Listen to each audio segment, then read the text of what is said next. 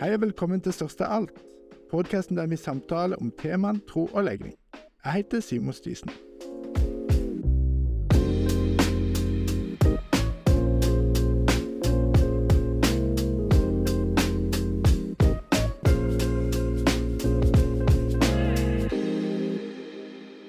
Hvordan ser den katolske kirke på sølibatet? Som katolsk prest har dagens gjest avgitt sølibatløfte og skal fortelle om kirkens lære og egne erfaringer knytta til disse spørsmålene. Velkommen til Størst av alt, Pål Brattbakk. Takk for det. Eh, for å begynne med det med en gang. Anser du livet i sølibat som et offer eller en gave? For meg er det en gave. Helt klart. Eh, og, og, mange nærmer det seg fra en annen synsvinkel, merker jeg. Eh, og ja, nei, dere prester, dere ofrer så mye og, og sånne ting. Eh, det er ikke måten jeg tenker om dette på i det hele tatt. Jeg, jeg tenker på det som, eh, som en gave, eh, som også av og til kan være et kors. Eh, men utgangspunktet er helt klart eh, en gave. Jeg tror Altså, I hvert fall i den tiden at mange av mine jevnaldrende var, var, småbarnsforeldre og levde i forhold og sånne ting. Det er ikke færre offer der, for å si det sånn. Eh, det er eh, hva, hva, de ofrer. Eh, både for, for, parforhold og eh, henge med i familieliv og, av kjærlighet til barna og, og sin, sin, ektefelle. Der er det mye mer offer enn eh, hva vi holder på med. Mm. Det er veldig sant. Men fortell oss litt kort. Hvem er du? Du jobber som pater i Den katolske kirke? Ja, jeg er prest ja. eh, i, i, Den katolske kirke. Jeg bruker aldri betegnelsen at jeg jobber som prest. Jeg er prest. Mm. Eh, den dagen jeg ble, ble presteviet, eh, eller når vi, vi blir presteviet, så tenker vi at det faktisk skjer noe med oss eh, ontologisk, som i dåpen. I dåpen blir vi Guds barn. Det settes et uutslettelig seil eh, på vår sjel som, som, ikke kan, kan, utslettes. Det samme i, i prestevielsen. da jeg ble prest, så fikk jeg også fullmakt til da i sakramentsforvaltningen og handle i, i Kristi sted. Eh, så om jeg har en stilling eh, ut fra det at jeg er prest eller ikke, det er på en måte sekundært. Altså jeg, skal, eh, jeg har forpliktet meg til å be mine fem tidebønner, altså be Kirkens offisielle bønn eh, fem ganger om dagen, og, vi feirer også messen hver dag. Eh, og det gjør jeg om jeg er på ferie, eller om det er fridag, eller om det er så det er på en måte det som gjør meg til prest. Og så får vi ulike stillinger av biskopen. Han driver og, og sender oss rundt. Det er jo en praktisk eh, ting knyttet også til, til sølibatet. Vi er jo, er jo fri eh, til det. Og det gir jo han en frihet også til å sende oss dit hvor eh, behovet er, er, størst. Ja. Mm. Men nå, jo, nå, ble jeg jo litt nysgjerrig på din oppvekst. Fordi eh, hvordan var det du endte opp med å bestemme deg for at du skulle ikke bare bli eller være katolikk, på en måte, men prest. Mm. Hvordan var den reisen? Altså, Jeg kommer fra noe så sjelden som en eh, norsk-katolsk familie i Norge. Jeg er vel syvende generasjons katolikk. Eh, så etter reformasjonen, med reformasjonen blir det jo forbudt å, å leve ut katolsk trosliv i, i Norge eh, frem til 1843, da St. Olav domkirkemenighet i Oslo ble, ble opprettet med kongens velsignelse. Um, og min tipp-tipp-oldemor konverterte i 1879. Uh, eh, så det begynner å bli, bli en tid, da. Uh, faren min var ikke katolikk, uh, så moren min kommer da fra denne familien som har vært uh, katolikker i, lenge. Og, og, faren min var, var ikke katolikk. Men jeg, jeg, vokste jo opp i en, i en familie hvor vi, vi, gikk i kirken på søndager. Ikke faren min. Eh, han gikk visst eh, med min mor så lenge de var forlovet, men etter det så Nei, da ble han heller hjemme.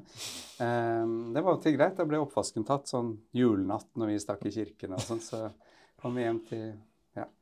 Um, oppvasken var tatt. og ja, så, så de, de, fant en ordning på det. Uh, begynte han riktignok å gå litt i kirken mot slutten av sitt liv, men og fikk en flott katolsk begravelse. Uh, men um, det katolske og troen har alltid vært en del av uh, familielivet vårt. Og det er klart, det har også vært gjennom faser hvor det å skulle i kirken på søndag ikke alltid fortonet seg som noe jeg hadde lyst til. Det gjør det blant pinnsvenn òg, for å si det Ja, sånn. faktisk. Ja, ja, ja, ja. Eh, Men jeg, jeg tror veldig på Vi har jo faktisk en plikt til å gå i kirken på søndager som folk ikke tar alvorlig, eller tar alvorlig. Det, det, um, det er jo ikke alle katolikker som går i kirken på søndag heller. Um, Men jeg, jeg begynte ganske tidlig å ministrere. Altså hjalp presten i gudstjenesten rundt alteret. Uh, og etter det uh, så var det vel jeg som var mest ivrig og skulle forlate huset. Og 'Nå må dere skynde dere, jeg kom for sent.' Og sånn, så, så der skjedde noe.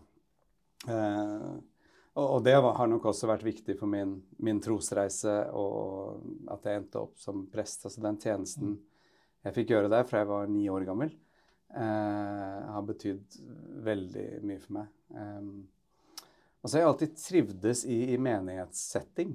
Eh, jeg har eh, der alltid følt at jeg kan bruke hele meg, være hele meg, eh, og jeg kan gjøre så uendelig mye godt for, for mange, da.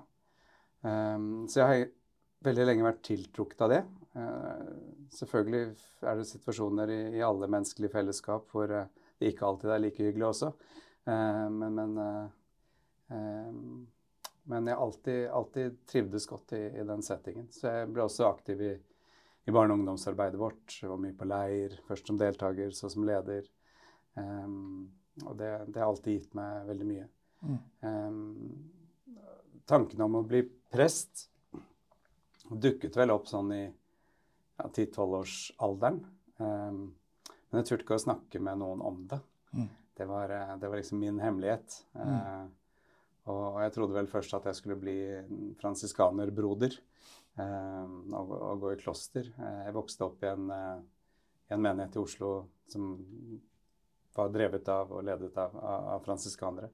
Eh, men jeg skjønte etter hvert, med litt hjelp fra en, fra en prest, at det var menighetsarbeidet jeg var, var tiltrukket av. Mm.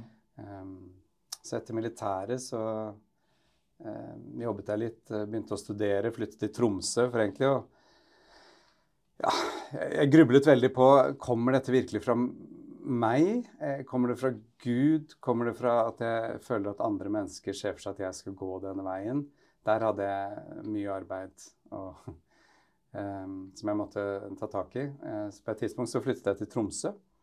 Eh, var der i to år for å få litt sånn avstand til alt og alle. Um, I militæret, da jeg var i militæret noen år før, så prøvde jeg å leve som skjult kristen eh, i et år. Jeg skulle liksom ikke si til noen at jeg var kristen, og skulle jeg bare være Pål. Eh, jeg var litt lei av å være katolikken Pål. Mm. Eh, I hvert fall sånn offentlig. Gikk det veldig dårlig, da, eh, det prosjektet. Eh, eller egentlig veldig fint. Eh, for det ble et viktig år for, for troslivet mitt også, det året i, i militæret. Men da etter to år i, i Tromsø så kjente jeg bare på hele kroppen min at her går ikke livet videre. Jeg hadde det fint, jeg hadde gode venner, jeg likte studiene, men det gikk liksom ikke videre. Så da tok jeg kontakt med biskopen i Oslo og sa at jeg tror kanskje jeg har et prestekall. Og så sa han tja, vi får se. Ja. Jeg trodde han skulle bli begeistret. Det ble, ble han ikke. Ja, han ble visst det, har han sagt til folk etterpå. Men uh, han ville la meg være fri til å gå. Mm. Uh, så han ga ingen uttrykk for sin, sin glede. Det, det er også flott. Um, og han eh, godtok meg da etter at jeg hadde vært i psykolog og litt andre undersøkelser. Mm. uh, så, så godtok han meg da som pressestudent og sendte meg til, til London, da, hvor jeg studerte i to år. Mm. Så var jeg ett år i praksis i menighet eh, i Stavanger, hvor jeg nå er sogneprest. Og så tre år i Roma, og så ble jeg prest. Litt av en reise. Det var det. Eh, hvilke tanker gjorde du deg om angående det å på en måte gi avkall eh, på familieliv og den type slags, altså sølibatløftet på den tida? Eh, Det var jo noe av det jeg tenkte på en del. Um, både det å, å ikke skulle ha egen familie, men også det å i så stor grad som jeg jo må gi slipp på min egen frihet. Eh, eh, vi avlegger også Vi avlegger ikke bare sølibatsløftet, men også et lydighetsløfte til vår biskop. Eh, så det er han som da eh, bestemmer hvor vi skal være og hva vi skal gjøre. Altså ikke sånn i, men han sendte meg nå f.eks. til, til Stavanger eh, for, å, for å være sogneprest. Og det, det var ikke et spørsmål, for å si det sånn. Ehm, jeg er veldig glad for det også, da. Det er ikke det. Men jeg får jo oppleve en del ting jeg aldri hadde trodd jeg skulle rote meg borti. Mm. men det er faktisk kanskje det jeg brukte mest tid til å, å tenke på. Mm. Sølibatet har jeg bare tatt for gitt at sånn, sånn må det være. Jeg, jeg, gikk noen runder, helt klart. Mm. Um, og en av de tingene jeg tenkte veldig på, var Eller jeg var redd for å ende opp da som sant, 75 år og, og bitter. Mm. Eh, det var jeg veldig redd for. Mm. Eh, så, så, der gikk jeg også en del runder, og jeg skjønte vel etter hvert at det har man jo faktisk ingen garantier for, uansett hvilken livsvei man, man velger. Um, og jeg tror jo virkelig dypt at hvis Gud først har kalt meg til prestetjeneste, så er det som prest, med alt det det medfører, at jeg også dypest sett vil bli et lykkelig menneske. Uh, vi er jo kalt til salighet. Uh, og uh, det betyr jo ikke at alt i livet skal være enkelt og, og happy-clappy, men jeg har en dyp ro på at jeg er på rett sted i livet. at jeg gjør det Gud vil. Og da det, det, gir, det, gir, mye mer enn det jeg ofrer. Mm.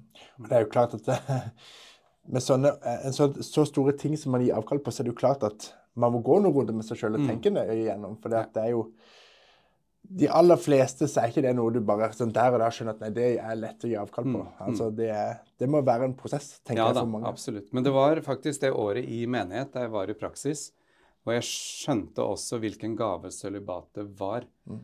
Eh, for jeg så at jeg da helt naturlig kunne ha kontakt med så mange mennesker i ulike aldre og livssituasjoner. Eh, jeg ble en del av så mange familier. Eh, så mange som også viser en annen omsorg for oss. Altså nå, Jeg har jo mat i kjøleskapet mitt daglig som folk kommer med. Eh, det er en blandvelsignelse. Men, men, men, men, det er en enorm kjærlighet også fra menigheten. De vet vi er alene. Mm. Og det, det, skaper en helt annen dynamikk mellom meg og, og, medlemmene i, menigheten. Og Det er derfor vi også kalles pater, eller på engelsk father. Altså vi mm. er en familiefar. Mm. Eh, og, og den friheten hadde jeg ikke hatt hvis jeg hadde vært eh, gift. Eh, og den friheten som jeg får fordi jeg er bundet, er jeg så glad i uh, og setter så stor pris på. Hvorfor stiller Den katolske kirke krav til sine prester om at de skal leve i sølibat? Altså, det er faktisk ikke et absolutt krav. Det er en regel vi har laget selv. Så derfor er det også en regel vi kan dispensere fra. Vi tenker at noen ting har Gud vist oss. Andre ting eh, bruker vi eh, vår fornuft til å, finne ut av.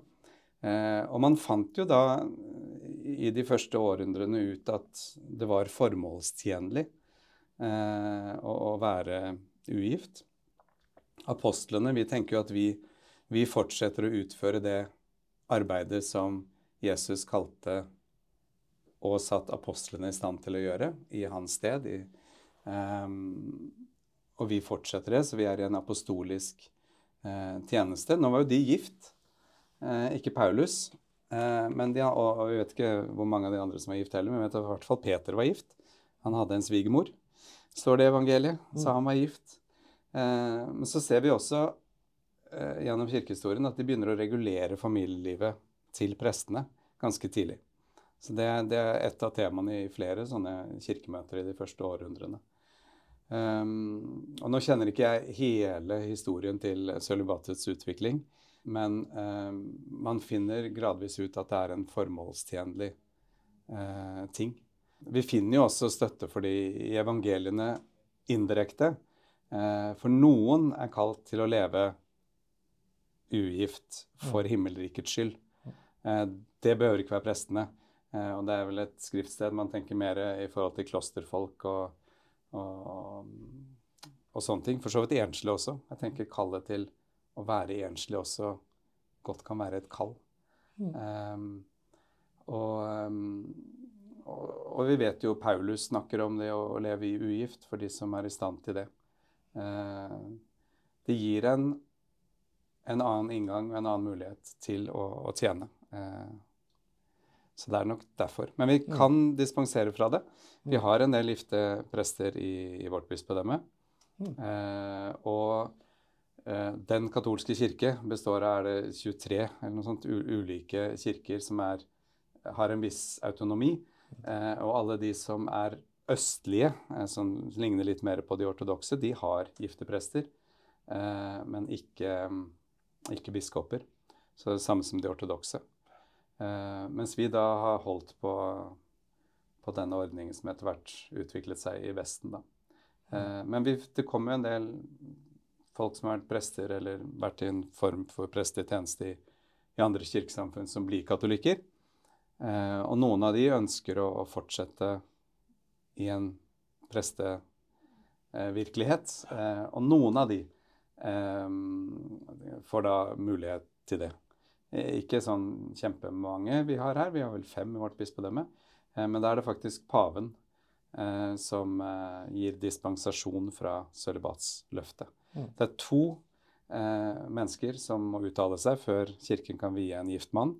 Eh, og det er kona og paven i den rekkefølgen, eh, ifølge en av de som selv lever som gift katolsk prest. Mm. Så det er ikke så veldig vanlig i praksis at, at, disse prestene er gift, for å si det sånn. Dette bildet vi har om at preste, katolske prest mm. er ikke gift, det er reelt. Det er, det er, det er heller det er, noen unntak, da. Det er noen unntak, ja. Yes. ja.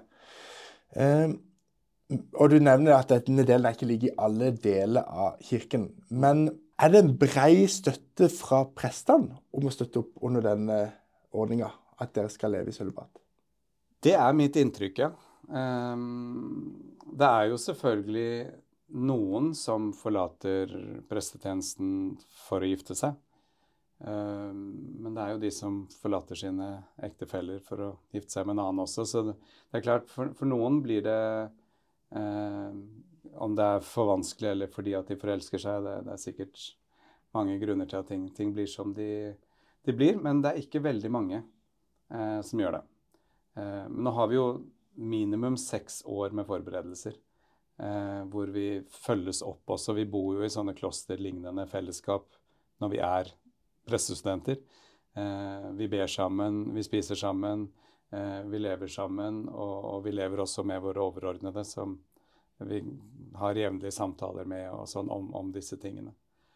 Um, så jeg opplever det ikke, i hvert fall i, i, de landene, de stedene jeg har vært, som at, at prestene har et voldsomt eh, engasjement for å, å oppheve sølibatet.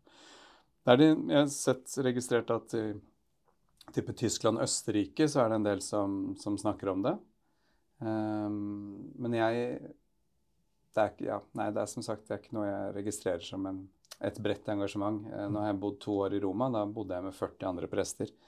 Det var aldri et tema. Mm. Jeg tror ikke en gang vi snakket om sølibatet. Det bare er sånn. Så Den katolske kirke kommer ikke til å endre seg markant på dette med den neste tida, som vet du Kanskje. Um, for det, det, har vi fullmakt til. Uh, vi har ikke fullmakt til, uh, sier vi, å kunne ordinere kvinner. Uh, for det, ser, det, fører vi tilbake til, til Jesu valg av, av apostlene. Han hadde kvinnelige disipler, men ikke apostler. Um, og Jesus som mann eh, åpenbarer jo Gud som far, altså også visuelt. ikke sant? Eh, og det samme skal, skal presten gjøre. Eh, igjen father. Um, så um, det sier vi at vi ikke har fullmakt til å endre, men vi har fullmakt til å endre sølibatet. Mm. Så, så, det er, kan, kan absolutt diskuteres. Eh, men det, det, virker ikke som det er noe bredt ja, altså kirken har jo, har, Gjennom hele kirkehistorien så har det vært gifte prester. Eh, men en prest har aldri kunnet gifte seg. Mm, det er konsekvent i ortodoks og all katolsk praksis. Mm. Eh, så det betyr jo at de som, eh, som, lever som gifte prester, de må være gift før de blir prester. Mm. mm. mm. Som visstnok starter eller skaper en del interessante datingsituasjoner i ja, det... presteseminarene, der hvor uh, de da må gifte seg før de skal bli prester. Så der, jeg studerte jo i Roma et par år, og vi var jo nede på byen. Men det var liksom ikke med det for øye, for å si det sånn. Mens eh, en del sånn type ukrainske, der har de også gifte eh, prester i deler av, eh, av den kirken. Og der, der var det sånn Der var de på byen for å Ja. finne seg dame, liksom. Ja. Det, det var helt annerledes for oss, ja. Ja, mm. det er litt av virkeligheten, ja. ja. Eh, hva, tenker du er styrken, den store styrken med dette sølibatkravet? Det, det er denne friheten eh, er den største styrken. Det at jeg kan fokusere 100 eh, på, på min tjeneste for menigheten. Eh, det tror jeg er gjør livet mitt enklere, hvis jeg skal være sånn, se det fra en egoistisk synsvinkel. Eh, jeg tror ikke det er lett for en del prester i andre kirkesamfunn å stå i den um, interessekonflikten som det må være uh, mellom egen familie og, og, og, og menighet. Um, jeg har ikke noe regulert arbeidstid. Mm. Eh, det ringer folk mm, til meg eller ringer på døra, eller eh, det vil si slå på husveggen, for jeg har ikke ringeklokke for tiden. Eh, det gjør folk eh, til alle døgnets tider, omtrent. Og, og de er tilgjengelige. Og det er jo et eller annet med dette sant? Herre, bind om meg og før meg dit jeg ikke vil. Det, det hender at når vi kommer i situasjoner som vi ikke selv hadde sett for oss at vi skulle ende i, så er det en, noe fantastisk som skjer. Det opplever jeg stadig. Det er ikke alltid kult å dra ut til et sykehus midt på natten for å salve en døende eller et eller annet sånt, men Mm. wow, det skjer ting. Um, og det å få lov til å ha den friheten, eh, det, det ser jeg på som en enorm styrke. eh, Både for menigheten og for meg selv. Hva tenker du er baksida med sølibatkravet? Vi kan jo bli veldig sære. vi prester. Eh, vi kan bli eh, i overkant selvopptatt. Eh, for vi har ingen så nær oss som korrigerer oss. Mm. Eh, så jeg har sagt fra til et par venner sånn type Hvis jeg begynner å lukte svette og har masse flekker på klærne mine og ikke bryr meg om eh, Så si fra. Mm. Det er selvfølgelig Det tror jeg gjelder alle, alle sølibatære. Man, man får sine egne vaner, og man kan bli ganske sær. Mm. Eh, jeg kjenner, må jeg innrømme, ikke veldig på dette med ensomhet. Mm. Mm. Eh, nettopp fordi at Altså, jeg er også, tror jeg, relativt god på da å, å bruke den friheten som dette gir meg, til å være sosial. Mm. Um, hvis du ikke gjør det, så tror jeg det kan bli veldig ensomt. Mm. Um, og der er det jo en fare. Mm. Sant? Uh, og hvis du først kommer inn i en sånn ond sirkel at du begynner å bli mer og mer inne, mer og mer alene, og det var veldig godt med en uh, whisky i kveld, eh, om noen uker så blir det to, og? Det er jo en del sånne, sånne farer som, som lusker i, i, i krokene eh, for folk som ikke har noen som deler livet Mm. eh, med en. Ehm, det er det jo. Og og jeg kommer ikke til å grave mye i denne tematikken, men jeg tenker at det er kanskje naturlig å spørre litt om det, på en måte. Og det går på dette her med altså disse her overgreps... Mm. Altså overgrepsproblematikken som har vært i deler av den katolske kirke. Mm.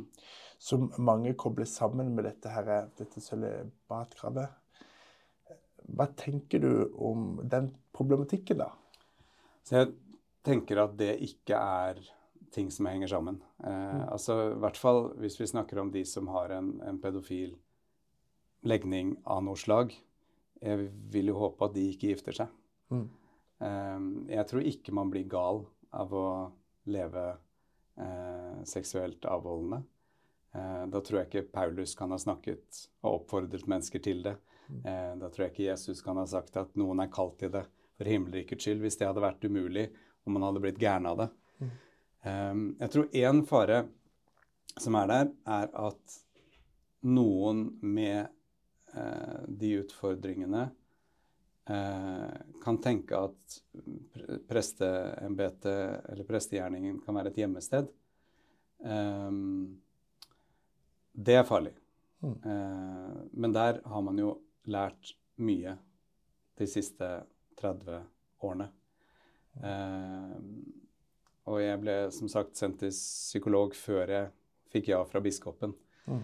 Vi, vi Eh, hvor vi også da ikke sant, får spørsmål om hvor vi er i, i landskapet, erfaringer, Mm. alt sånt. Mm. Eh, så det å, å ikke snakke om det seksuelle er jo ikke bra. Mm. Eh, og det, det gjøres i, i formasjonen. Eh, vi kaller det formasjon. Dannelse er kanskje et bedre norsk Mm. ord. Mm. Formation på engelsk. Um, men men jeg, jeg kan ikke Altså, vi vet at i den grad man har gode tall på, på overgrep, så skjer det i familier. Mm. Ikke katolske prester. Altså, det er ikke noen Vi er ikke høyere representert på noen barometere enn en andre. andre. Mm. Um, det er jo en fattig trøst, Uh, og jeg virkelig Ja, det vrenger seg inni meg når jeg leser om, om sånne saker. Um, Mm. og det har lagt en ekstra byrde på oss alle. Mm. Ikke sant? Jeg har også blitt spytta på på gata, eh, kalt pedofil. Eh, Mm. Og um, husker jeg var med eh, barna i menigheten i Frognerparken.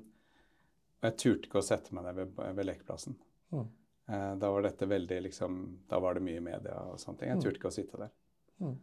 Eh, så, så det er klart, det, det har blitt, blitt tungt. Eh, men men den, den smerten vi, vi føler på, er jo ingenting i forhold til de som har blitt utsatt for dette. Og det Nei, det er, det er virkelig Hva var det av nå avdøde pave Benedikt kalte det? Um, det ble i hvert fall oversett til 'the filth in the church'. Mm. Eh, det er så skammelig, og, og det er så eh, Ja. Det er så langt unna det vi skal være, og det har ødelagt så mye. Mm. Uh, ja. Det, er ikke tvil om at det har ødelagt mye for, for dere som katolske kirke. Og, Mm. og jeg må jo si at selv om jeg ikke er katolikk, så er jeg kristen og, ser, og er økumenisk nok til å tenke at alle kristne kirkesamfunn liksom, sant, har, har en tilhørighet til hverandre da, på en måte. Og, og selv jeg kjenner jo at jeg syns det er vanskelig. Mm. At det er liksom at det stadig kommer opp noen nye ting Mm. som på en måte, ikke sant? At det er noen ting som har blitt gjemt av ulike grunner, og alt som her, men, men sant? At, at ting kommer fram, og det, det er bra at ting kommer fram. Mm. Det problemet har vært at det ble skjult i det hele tatt. Ja, men ja. det er det gjør, det jo- det gjør fryktelig vondt, på en måte. Det gjør veldig vondt. Eh, det er jo stort sett gamle saker som kommer frem. Eh, og Den katolske kirke står i en liten særstilling i, i veldig mange land, for at det er vi som har hatt alle skoler, alle sykehus, alle barnehjem eh, har, har blitt drevet av kirken. Eh, I Irland f.eks. Staten hadde ikke offentlige skoler omtrent. Det var, så så all, vi har fått alle tallene fra alle arenaer i et par land. Mm. Eh, og det, det er ikke noe unnskyldning, det er bare en forklaring på, eh, på store tall. Men de, de tallene man, man får nå, det er jo stort sett saker som skjedde på 60-, 70-, 80-tallet. Mm. Eh, men det betyr jo ikke nødvendigvis så mye, for det tar jo litt tid før sånne saker blir meldt også. Mm. Mm. Eh, men det jobbes veldig mye med disse tingene nå. Mm. Eh, så det er jo en bevissthet, og vi jobber med det i vårt bispedømme også, å holde bevisstheten oppe rundt disse sakene, sånn at vi skal minimere muligheten for at det skal skje. Mm. Eh, Men det er ingenting som tilsier at det skjer mer hos oss enn andre steder. Men vi bør jo heller være best i klassen enn noe annet. Mm. Så hmm. Absolutt. Absolutt. Denne, altså, denne temaet på podcasten handler jo mye om dette her med legning og seksualitet. Og som du vet, så er jo jeg eh, homofil. Og, eh, og nå skal vi bevege oss litt på ditt, disse, denne tema, delen av tematikken. da. Eh, for deg, for det, det, det du skiller på med dette med det sølibatære livet Jeg tenker jo at mange av de som er homofile, ikke sant, som, som strever med de tingene, og som kanskje tenker at eh, det er ikke greit å leve det ut, ikke sant, sånne ting. Eh, kanskje tenker at ok, de søker mening i det sølibatære livet, i det å leve alene. Og at det kan være av den grunn at det er flere homofile som ender opp som eh, prester i Den katolske kirke, fordi de søker mening i det å leve alene, på en måte. Altså, er, det, er, det, er det en utbredt fordom at det er en større andel av prestene i Den katolske kirke som har homofil legning? Mm, Jeg har også hørt de eh, antakelsene. Eh, jeg har ikke sett rene tall på det. Jeg vet ikke hvor mye det er undersøkt og, og sånne ting. Eh, det er jo mulig også at de som først da skjønner at ekteskapet ikke er for dem, allerede tidlig får en frihet til å tenke muligheten å skulle bli prest. At noen heterofile som ser for seg familieliv, ikke går helt inn i og tenker kanskje jeg er kalt til prestetjeneste. Kan ligge noe der også. Eh, at hvis man i utgangspunktet tenker jeg skal ikke gifte meg, da er, det lettere å, å ta skrittet inn i, inn i prestetjenesten. Mm. Um, ikke nødvendigvis for å finne mening, tror jeg, men jeg tror da kanskje noen gir seg en større sjanse. Eller ja, tenker mer grundig gjennom det. Hva skal jeg gjøre med livet mitt fordi jeg sannsynligvis skal leve alene uansett? Mm. Um, mm. Mm. Det er jo det absolutt en option. Ja, absolutt. Det er jo også de som bare velger å, å leve alene. Um, jeg har flere skikkelser i, i, mitt liv som har vært veldig viktige for meg og hatt mulighet til å være det nettopp fordi at de har vært enslige. Mm. Uh, uten at jeg vet om det har med legning å gjøre, eller at de bare ikke uh, valgte å gifte seg eller fant noen. Eller, det, det, det, vet jeg ikke. Men uh, jeg må innrømme at jeg har begynt å snakke litt mer også om, om singelkallet. Mm. Um, for det er Jeg tror det er vanskelig, men, men, jeg vet det er mulig. Og um, jeg ser hvor mye godt mennesker som er enslige, også kan bidra med til, til et fellesskap. Mm. Har Kirken en lære eller tanke om hvorfor det er noen som er homofile? Ikke meg bekjent. Nei. Nei. Ikke heller. Jeg, jeg, bare spør. fordi mm. at det er sånn som i frikirkelig sammenheng, der jeg vokst opp med, så, Og det blir jo mer sånn liksom ja, du vet, alle tanker flyter alle veier i frikirkelig sammenheng uten at det er noe særlig dogmatisk. Men det er jo liksom sant, at noen som mener at det hadde, hadde, med oppvekst å gjøre, ikke sant, og noen som sier at det er medfødt, noen som mener det ikke er det, ikke sant, og sånne ting. Men, men i katolsk kirke har så bevisst jo ikke noe offisielt på det. Nei. Nei, jeg tenker, det er fagområder vi ikke er eksperter på, på en måte. Vi driver med teologi, mm. eh, og noen med utforske stjerner og planeter og sånn også. Men eh, nei, det, det, er det. Vi har jo folk som er, er ja. kompetanse på andre Men, men det, det, vil jo aldri bli en del av Kirkens lære. Mm. Kirkens lære handler om teologi. Yes. Eh, det, det, Kirken sier om, om eh, homofili eh, Katekismen er, er ganske eh, tydelig. Eh, at eh, homofile ikke skal diskrimineres, ikke skal, man skal ikke legge byrder på eh, osv. Um, de har fått et kors som for mange er tungt. Um, og at man da er kalt til å leve kysk, da. Mm. Eh, seksuelt avholdende.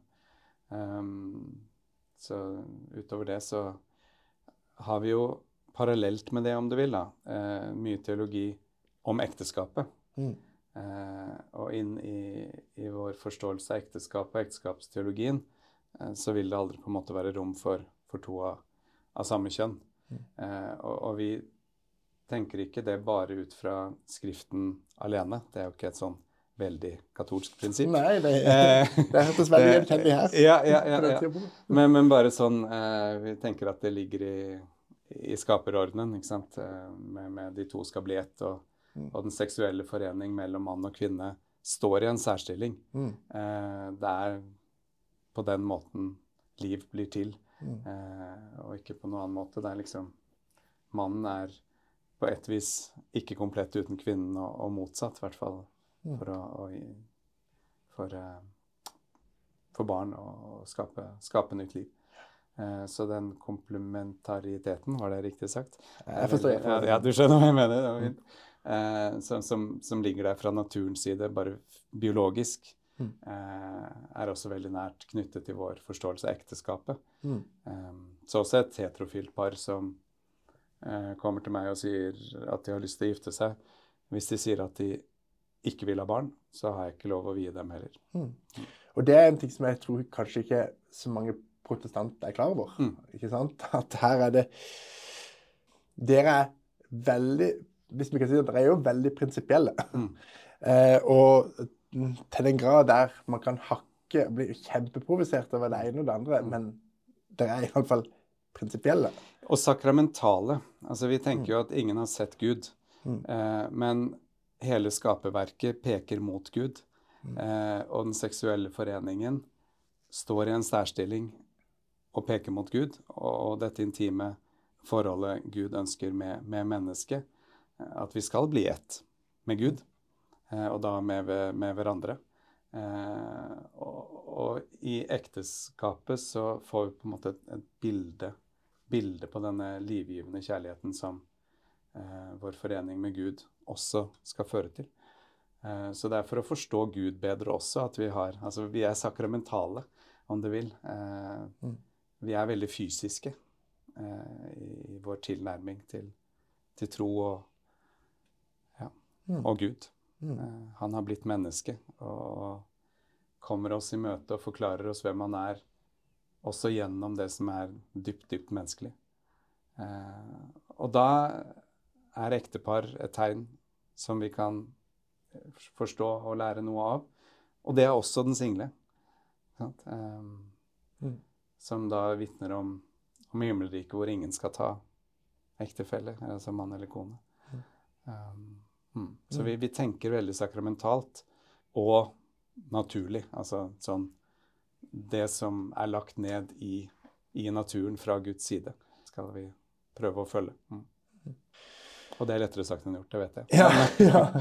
Fordi eh, eh, jeg, jeg får fram tydelig det at eh, den katolske kirkens formelle lære det er jo på en måte ikke sant at eh, homofile bør leve avholdende, sølibatært. Det er jo det som er utgangspunktet. Men i praksis, da, i møte med disse menneskene som kan ha veldig ulike utgangspunkt hvordan vil du møte en person som er homofil og streber dette på ulike måter? Vil du være liksom Nei, lev aldri, det er that's it. Og så Eller hvordan, vil du møte, liksom? Altså, Vi har jo helt sikkert homofile i alle våre menigheter. Eh, og Da jeg var sogneprest i, i Oslo, eh, noe av det jeg syns var det feteste med det, og, det virkelig det vakreste med det, eh, var at vi hver eneste søndag Vi hadde vel omtrent 3000 mennesker som kom hit til, eh, til messe på søndager. Vi hadde messer hele, hele søndagen i to kirker parallelt.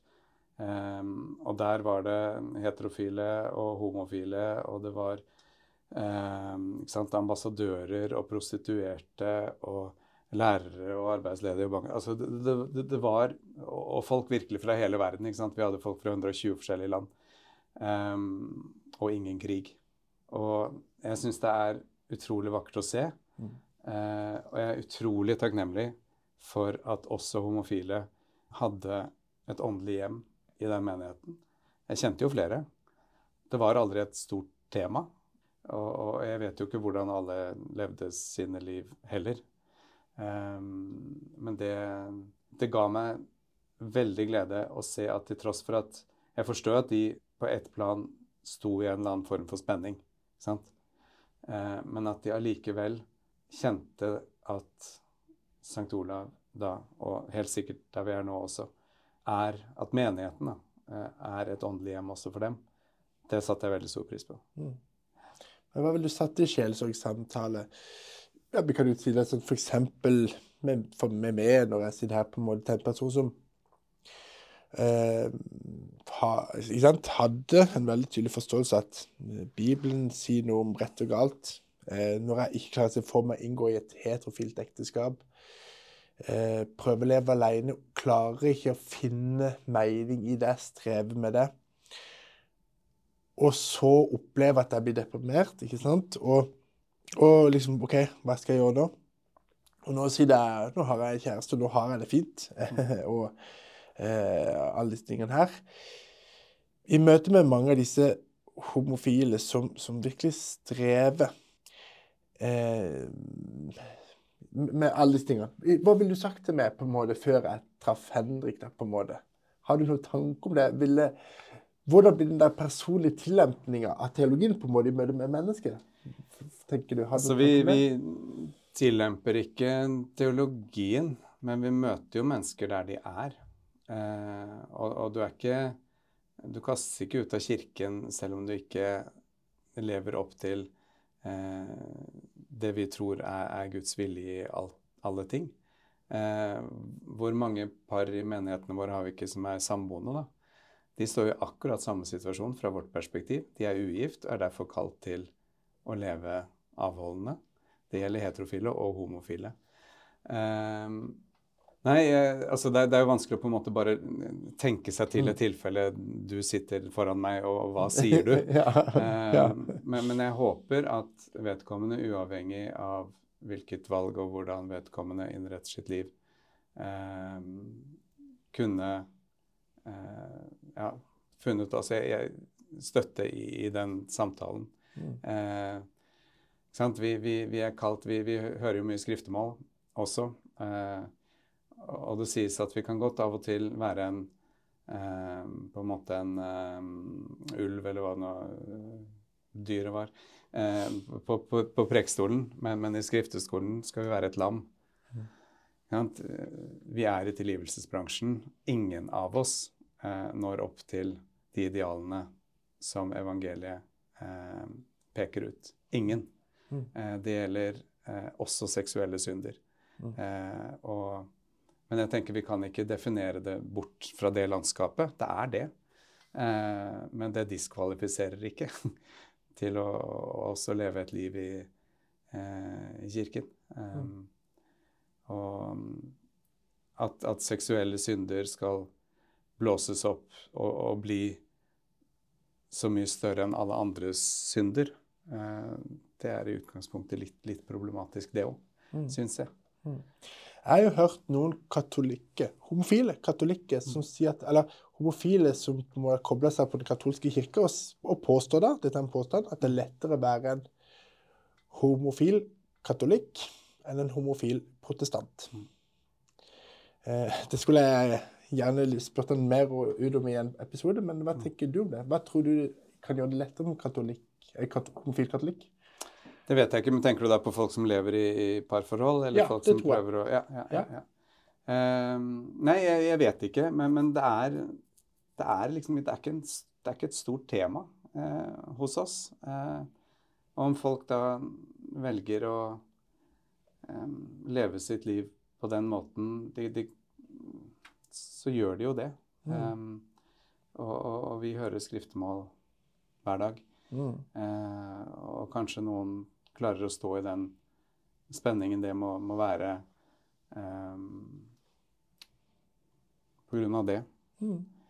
Uh, men jeg skjønner jo at noe som de da opplever som, som, vakkert, hvis de lever i et seksuelt forhold med, med sin partner, at det også skal, skal forbindes med synd. Det, jeg skjønner jo at det er en vanskelig spagat å stå i, i huet og i hjertet. Mm. Um, Mm. Mm. Men jeg er glad for de som klarer å, å stå, stå, stå mm. i den når, når, de trenger det. Og så er vi som sagt i tilgivelsesbransjen, og um, vi har nok et litt mer sånn uh, Dette har jeg hørt, dette har jeg ikke forsket på eller noen ting, uh, men at vi har et mer sånn latinsk forhold til lover enn det germanske. Mm. Altså lovene er der som, som idealer som, som, vi strekker oss mot. Uh, og, og, vi endrer ikke på de, uh, men vi vet at vi er ikke der. Men vi strekker oss mot det. Mm. Uh, ja. Og jeg tror det er noe i det du skildrer der som jeg har fått litt inntrykk av. At kanskje litt i sånne frikirkelige protestantiske sammenhenger så Jeg vet ikke. Kanskje det har vært noe med det der at At det blir en sånn usynlig forventning om at man nesten skal klare å leve opp til det, kan jeg noen ganger sitte og kjenne og føle på. Mens i den katolske kirke så har man hatt mer sånn liksom, Man skrifter ukentlig. Det blir veldig sånn Eller man skrifter kanskje ikke ukentlig, men du skjønner hva jeg mener. Mm. Man har en veldig tydelig tilnærming til de tingene der, da. Eh, der, der, på en måte Man kanskje blir litt mer bevisst på det. Ja da, man bekjenner jo syndene på innledning av en luthersk eh, gudstjeneste òg, på en måte. Eh, men, men litt det der at eh, Noe med det der puritanske, på en måte, der vi på en måte tenker at vi må nå opp til et visst nivå for å ja, jeg vet ikke. Det er kanskje bare mine egne tanker. Men, men noe der at du strekker deg, så, skal, så blir det liksom nesten en sånn fasade, da. Ja. Vi tenker jo frelsen mer som en prosess enn som et før og etterøyeblikk. Mm. Eh, vi håper å bli det. Men jeg sier ikke om meg selv at jeg er frelst. Jeg går på frelsens vei, Mm. Håper jeg. Eh, men jeg vet det er mye å, å jobbe med ennå, Mm. eh, av, av forskjellige ting. Eh, og, og det er en, en prosess. Og, men, jeg, men jeg tror jo også at eh, det Kirken lærer, fordi vi tror at det er Gud som har åpenbart dette, dypest sett er det som er det beste for mennesket. Um, det tror jeg. Uh, men, men det, det, var et, et eller annet jeg leste i avisen her eh, Han var vel også fra, med pinsebakgrunn. Nå er han ikke det, men eh, denne David Bennett eller noe sånt. Mm. Eh, teolog, eh, homofil, eh, lever i sølibat. Eh, og, og han fikk jo også dette spørsmålet da hva han ville si til homofile, han, eller til andre homofile. Og han mente vel at en del hadde feil forståelse av sølibatet. Det var én ting. Eh, altså at man fokuserer veldig mye på, på hva, det, eh, hva det må oppgi, istedenfor å fokusere på hva det åpner opp for. Um, og at også vår seksualitet er noe vi skal legge eh, i Guds hender og, og, og, må kunne overgi oss. Da. Mm. Um, men jeg vet det er, det, er, det er lettere sagt enn gjort. Mm. Og, For hva tenker du om kristne som stiller et krav om homofile som må leve i sølibat? Hvis man stiller det som et krav, på et eller annet vis. Du må leve i Altså, du skjønner hva jeg mener? ja, ja. Altså, Det er jo det som er vårt krav, på en måte. Altså, Mm. Det er jo det som er vår lære. Eh, og jeg tror jo dypest sett at det er til beste eh, på sikt. Ehm, men, eh, men jeg ser også, jeg har jo homofile venner som Jeg ser jo at de er At, at det forholdet de er i, gir dem mye. Eh, og det er for så vidt ikke noe som sier at eh, at to som, som også er tiltrukket av hverandre, kan, kan leve i et, en eller annen form for, for parforhold for, for, altså, for katolikker. Eh, det Kirken sier, er at man skal avstå fra det seksuelle, i hvert fall type samleie og, og sånne ting. mm. Um, ja. Vi kan ikke drive altså vi, Det er veldig få som har interesse av å drive og sjekke hvordan folk innreder sine hjem. Hvis det først er to menn eller to kvinner som deler uh, leilighet, så ja. Det, Jeg skjønner hva du mener. Ja. Uh, det er jo noen som mener at den katolske kirke har endra litt holdning, eller noen, noen vil jo vinkle til at nesten er snakk om en ny lære. Iallfall at paven snakker litt annerledes om homofile. Hva innebærer det, tenker du, i praksis, på må møte, må- måten man møter homofile? Ja, jeg tror egentlig at uh, Altså, han er jo litt kjent for det. Et av hans første intervjuer på, på flyet hjem fra Rio eller et eller annet sånt noe.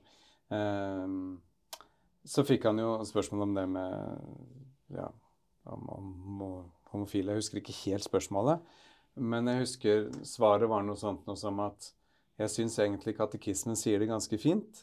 Ehm, Eh, hvis noen eh, prøver å leve sitt liv eh, slik Kristus vil, på en ærlig og oppriktig måte og sånne ting Uh, Who am I to judge? Uh, sier han. Uh, det ble jo kanskje tatt litt ut av sammenheng, for det katekismen sier, som jeg først refererte til, er jo at man er kalt i kyskhet. ikke sant? Så det, det hoppet en del mediedekningen bukk over. Eh, men igjen, hvis du ærlig søker å leve et liv i Kristi fotspor, um, så ja, er, er det absolutt rom for alle. Uh, men, men det må være utgangspunktet. Uh, og så har vi alle ting å, å strekke oss til uh, etter. Um, men, men igjen, og denne spenningen da å oppleve å stå i et forhold som oppleves godt, som gir deg mye, og si at dette er ikke det ideelle. Jeg skjønner at det må høres forferdelig ut. Uh, Jeg har hørt mange verre formuleringer okay. jeg love deg i løpet av livet. okay. Men, men uh, at, at som David Benne sier, da, våg å ta det neste skrittet, ville jo han sagt. da. Mm. Uh, for det er noe godt der også. Mm. Eh, men, men ja. Mm. Ja. Og, og jeg, jeg, Ja, for jeg har jo Jeg må bare si at jeg har jo Det er noen som har sagt det. Jeg har prøvd å tenke på det å leve alene som en grav. Eh, jeg har prøvd òg, eh, ikke sant? Eh, og, og, det er sånn som for min del jeg, jeg, kjenner ikke på det som en grave. Mm. Jeg, jeg, gjør det ikke. Jeg, ingenting i meg som på en måte dras mot det. Og det kan være at jeg uttaler, det kan være at jeg ikke går det steget. Men, men igjen, jeg, jeg presser meg til et punkt der jeg ble psykisk dårlig.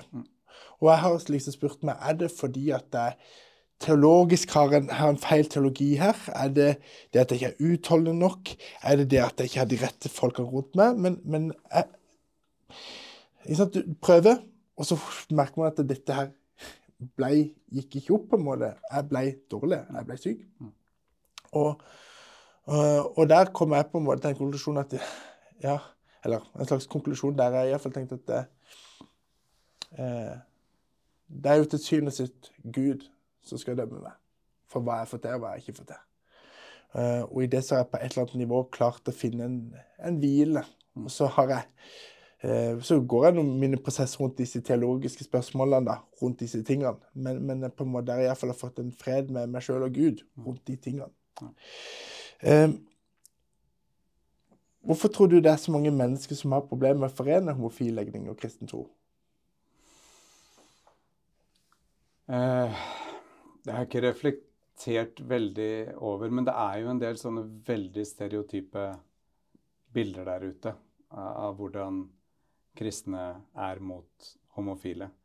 Um, jeg tror det er litt sant i det du sa tidligere med at i hvert fall i den katolske kirke har vært enklere for noen i hvert fall å, å være homofile. Uh, Uh, og, og, vi skiller jo på det å være homofil og det å, å, leve det ut. Altså Homoseksualitet er på en måte noe annet enn å, å være homofil, og det er en, et skille som ikke alle er med oss på, det vet jeg. Um, men um,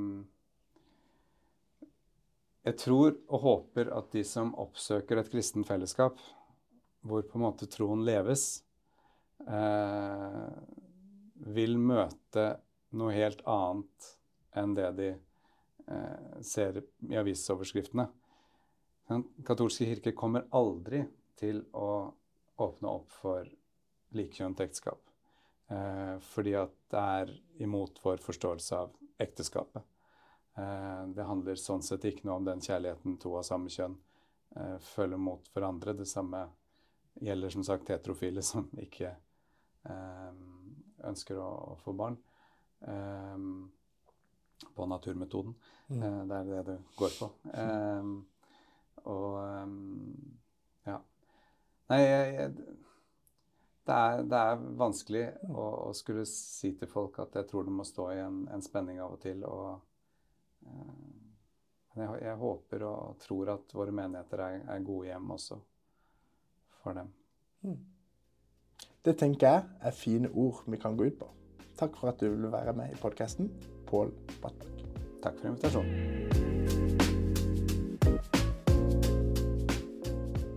Takk for at du lyttet til podkasten Størst av alt. Har du innspill, tilbakemelding eller en historie som kan være verdt å fortelle, kan du ta kontakt via vår Facebook-side Størst av alt. Vi håper du liker podkasten, vil abonnere på den og anbefale den til andre. Lykke til med samtalene.